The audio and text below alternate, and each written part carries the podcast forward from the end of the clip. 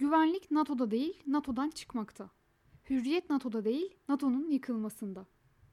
Türkiye NATO'ya 18 Şubat 1952'de katıldı.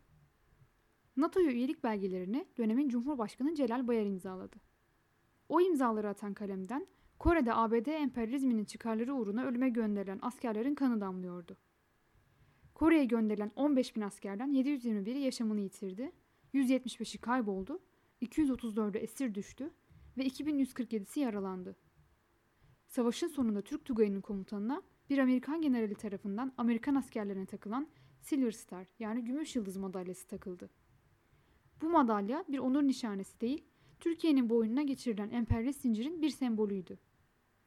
Aynı bugün Savunma Bakanı olarak ordunun başındaki Hulusi Akar'ın boynundaki Amerikan Liyakat Madalyası gibi. NATO katilimizdir. NATO Türkiye'ye bir güvenlik şemsiyesi olmadı. NATO'nun güya Rusya'ya karşı Türkiye'yi koruyacağı söylendi. Ancak daha sonra NATO planlarında Türkiye'nin işgal edilmesi halinde savunma hattının Toros dağlarında kurulacağı ortaya çıktı. NATO'nun derdi Türkiye'yi değil, İncirlik üstüne yerleştirdiği Amerikan askerlerini ve atom bombalarını korumaktı. O bombalar ki Türkiye'yi nükleer savaşın ölümcül bir cephesi haline getiriyordu. Yetmedi. İşçi sınıfı mücadelesinin yükselişini komünizm tehdidi adı altında ezmek üzere faşist çeteler bizzat NATO tarafından eğitildi ve seferber edildi. NATO'nun örgütlediği kontrgerilla sendika liderlerini, sosyalist, solcu, ilerici aydınları katletti. 1 Mayıs meydanında işçilere Maraş'ta, Çorum'da ve Sivas'ta Alevilere yönelik kitlesel katliamlar tertipledi.